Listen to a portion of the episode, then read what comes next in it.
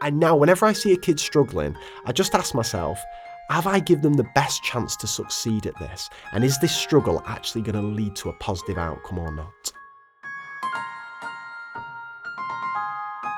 Välkommen till Natur och kulturs podcast Akademiska kvarten. I den här podden ger vi dig en akademisk kvart med tongivande personer som har något viktigt att säga om svensk utbildning.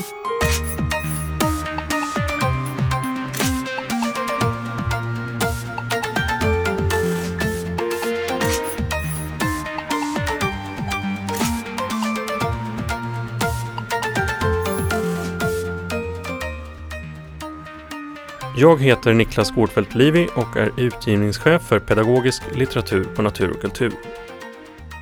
I det här avsnittet träffar jag Craig Barton, brittisk bloggare, författare och undervisningsguru. Today we're in Stockholm in Natur och kultur and our guest is Craig Barton and I would like to hand the word over to you Craig to explain um, who you are. Well, hello everybody, and thank you for the kind invite to be on the show. Um, I'm Craig. I'm a maths teacher from the UK. This is my 14th year of being a teacher. As well as teaching, I have a website, mrbartonmaths.com, and another website, diagnosticquestions.com.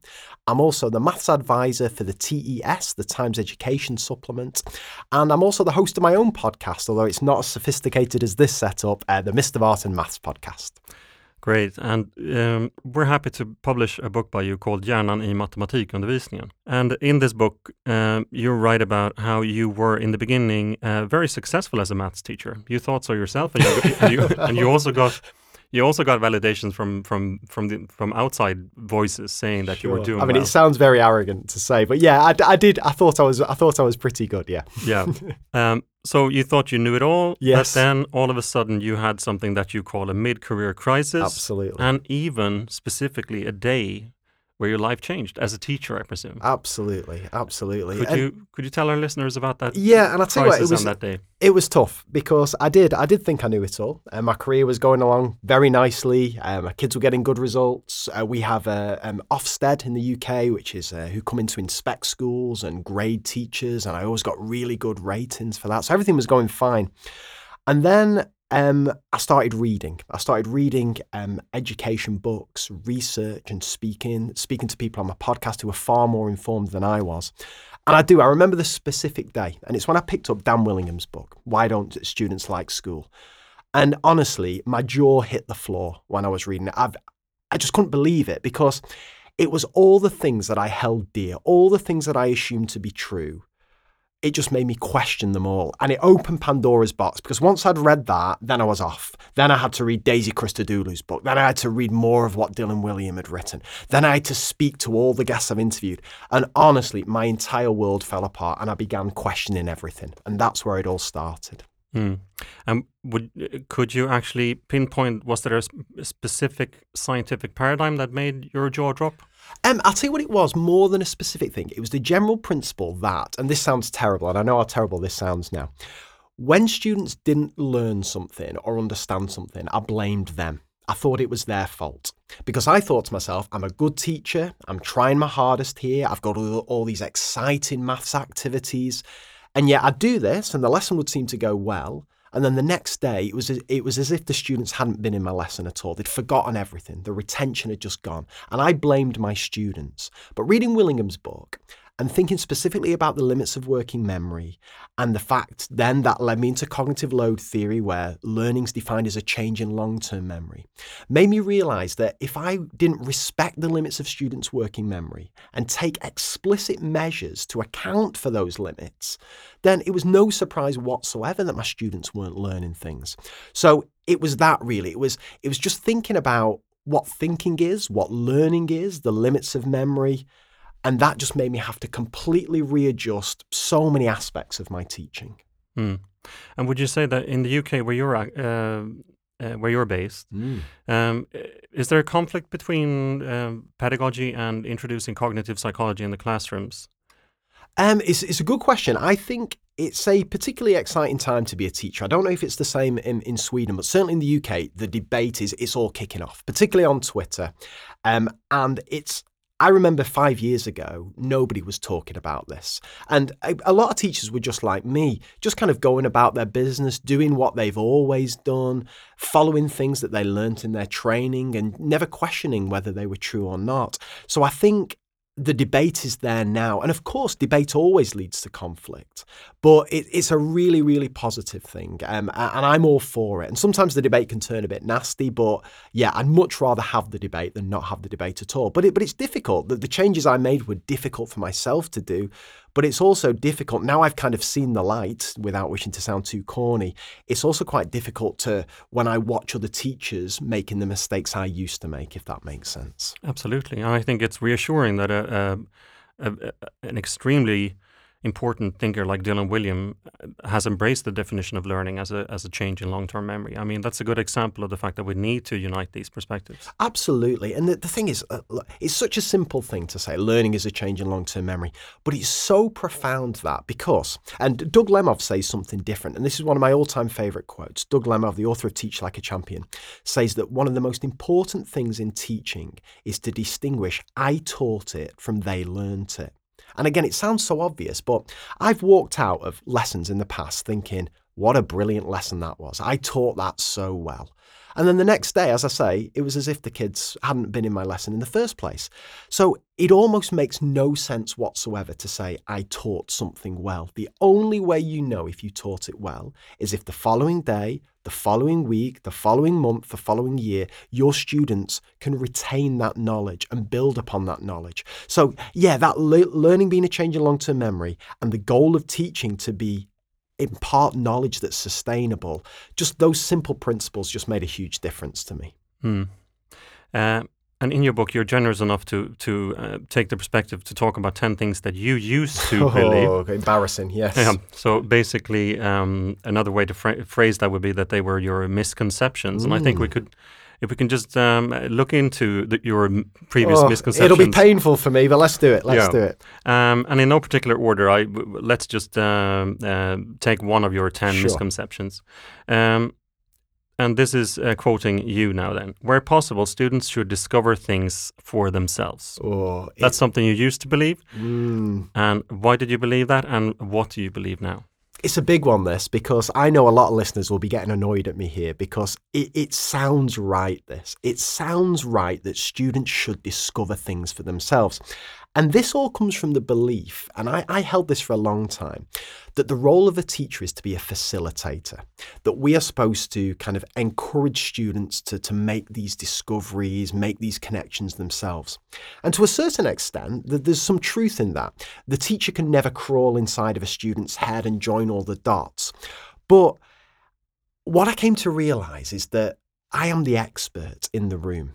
And if I've been at home the night before and I've planned an explanation and planned some supporting resources and planned some practice questions and planned a sequence to build this knowledge upon, then I want to give my students the opportunity to experience that. I don't want to leave it up to chance that they're going to discover it. And again, hopefully, maths teachers can relate to this. But those discovery lessons I used to do never used to go to plan. Can I give you a very quick example of this? Is that okay? So, um, a good one is angles, angle facts. So um, there's loads of these across maths and in circle theorems, but even simple ones. So you take something like, uh, let's say, corresponding angles are equal is a, is a, a, an angle fact. And what I used to do is get students to try and discover this. So I would give get them to draw loads of angles, loads of parallel lines, give them an angle measurer, and get them to measure all the different angles and write down what they noticed. And my idea there was they discover this relationship for themselves and therefore it would stick more. But what happened was some students discovered it, which was brilliant for them, but a load of other students were mismeasuring angles, and their accuracy wasn't right, their drawing wasn't right, they were measuring the wrong angles, and in the end, they were spotting relationships that weren't there, or they weren't discovering anything at all, and they were getting frustrated and they were getting annoyed. And after about 30 minutes or even 40 minutes, I ended up just telling them what the relationship was. Anyway, by which point half the students had decided this is difficult, I hate maths, I'm struggling again, blah, blah, blah. And it just made me think that with many things in maths, the best way to get as many students to feel successful, which I'm a massive believer in, um, and to start building this knowledge is to just tell them it first. And then we can start to question why and we can start to do the interesting maths later on. But let's at least give them the best chance with that foundational level of knowledge that we as a teacher impart. And I'm sorry, I get carried away with this. I feel very strong about this kind of stuff now. Well, I think it's then we can easily um, go into one of your other misconceptions. Mm. Uh, you used to believe that if students are struggling, then they are learning. Oh, this this is a bad one. This again, I, I, cringe when I when I hear these these days. I used to think struggle was good, and I, I, was told this that if kids are struggling, then they are learning. And it's really interesting because if you're a teacher and you look out on your class and you see students scratching their head and thinking really hard, it seems like it must be a good thing. Kids must be learning. But when I started reading John Sweller's work into cognitive load theory, um, I discovered the concept of cognitive overload, where working memory reaches the point where it's exceeded its capacity and no learning takes place because this fragile thing that is our working memory is just is exploded. It can't fit any more in and stuff just pouring out of it. Now, the interesting thing is that cognitive overload, a really dangerous state, looks exactly like thinking hard. And when I think back to it now, I had classes of students who were thinking really hard, but they were thinking because they didn't have all the knowledge in long term memory to draw upon to ease their thinking. So they would be trying to answer a problem and maybe it's a real life problem and god i mean don't even get me started on real life maths but maybe they're trying to do a real life problem but they don't that involves them needing to know multiplication facts factors prime numbers all these different areas of maths but because they weren't fluent in those, because they didn't have those facts and those procedures automated in their long term memory, they were having to juggle all this stuff in their working memory and it was just getting filled up. So that struggle ended up being in vain because they didn't get to the right answer in the end and they didn't learn anything in the process. Whereas what I now come to realize is that not all struggle's bad. But I need to give my kids the best chance, make sure all that key knowledge is in there. And then when I give them these complex problems, then they've got all the tools ready and they've got spare capacity left in their working memory to start plotting a path to the solution and crucially learning from it. So, yeah, I, now, whenever I see a kid struggling, I just ask myself, have I given them the best chance to succeed at this? And is this struggle actually going to lead to a positive outcome or not? Mm. Um, all right, let's move on to another misconception, which I think is a very interesting one because I know that this used to be one of Dylan Wiliam's mm. misconceptions.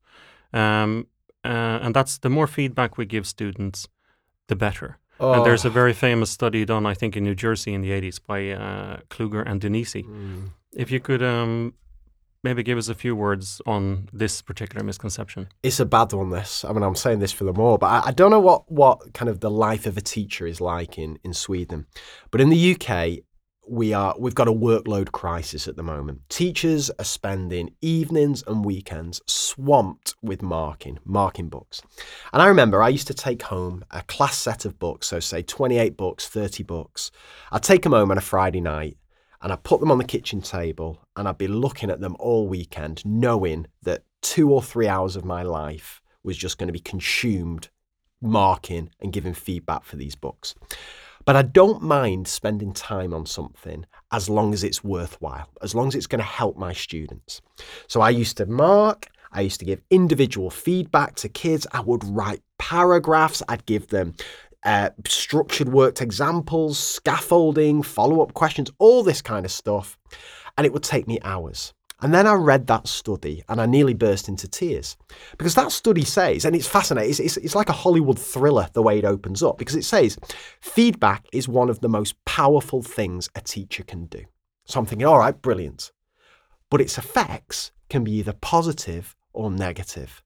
And I was like, what? So I could be spending these three hours, and not only am I not having a good effect on my kids, I could actually be, be having a negative effect on my kids.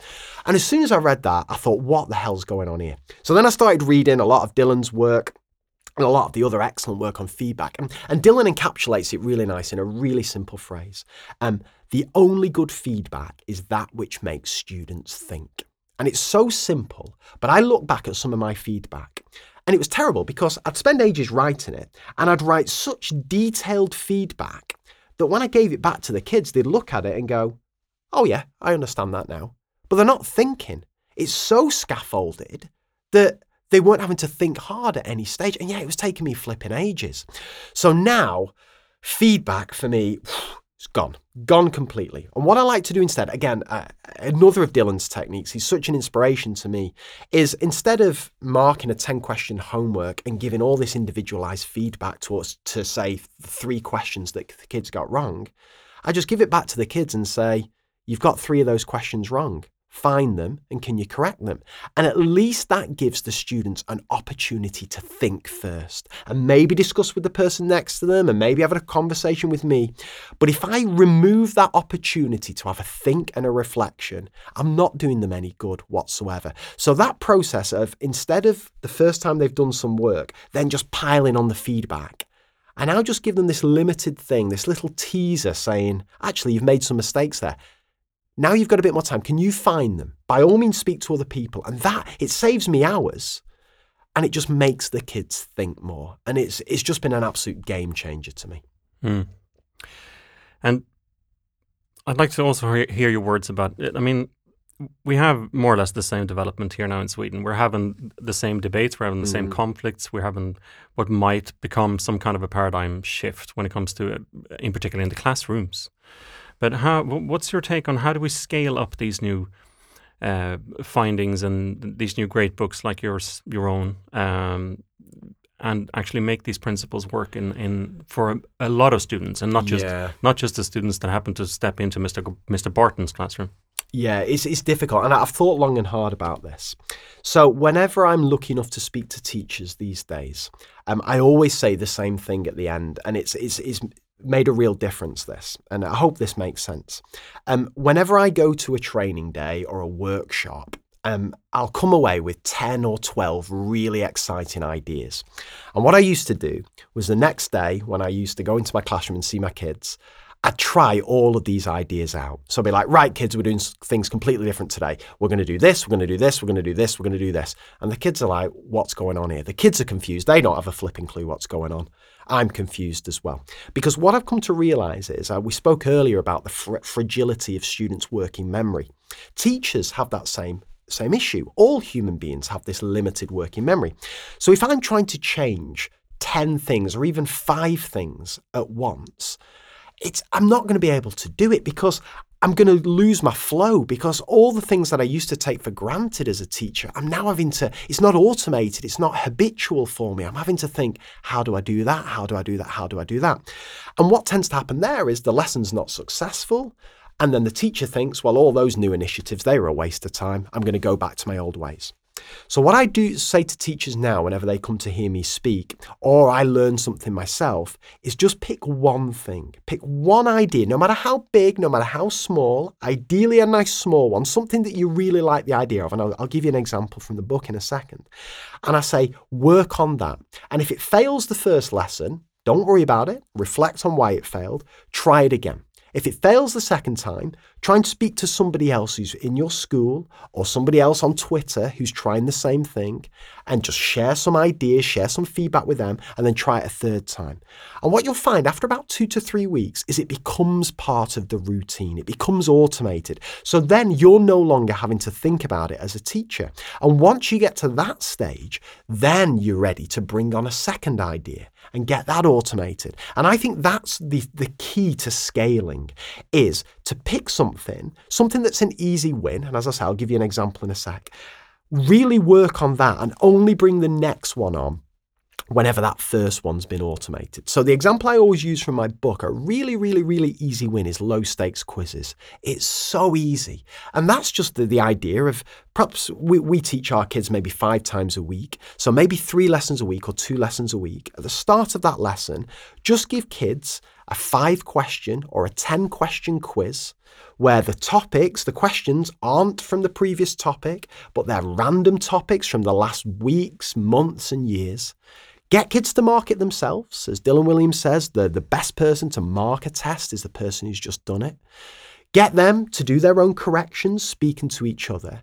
And just this principle of quizzing students, not on the current topic, but on stuff from previous uh, topics and previous years, and doing this regularly just makes a world of difference because therefore kids aren't just learning something in a block and then never revisiting it for months at a time. They're regularly revisiting that. And I tend to find that if I introduce that idea of low stakes quizzes to teachers, they try that, and after three weeks, they say, actually, my kids are starting to remember things now. My kids are actually looking forward to these quizzes.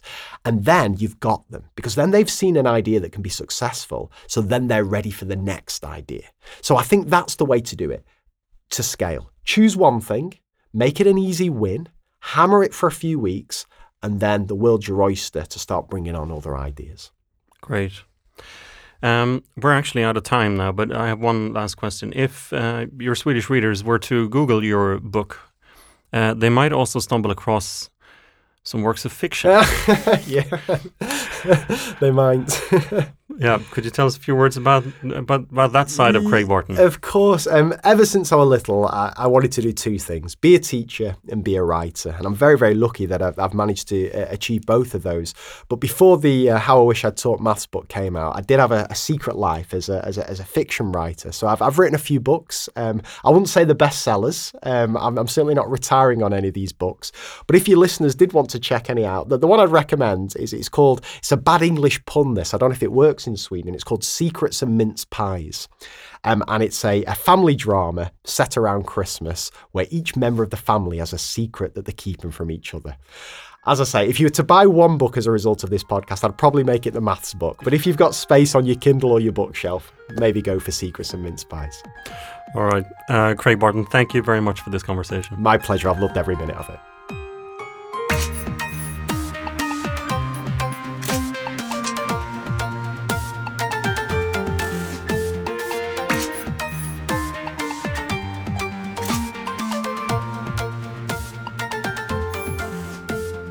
Förlaget Natur och kultur är en stiftelse som utan ägare kan agera självständigt och långsiktigt. Vårt mål är att genom stöd, inspiration, utbildning och bildning verka för tolerans, humanism och demokrati.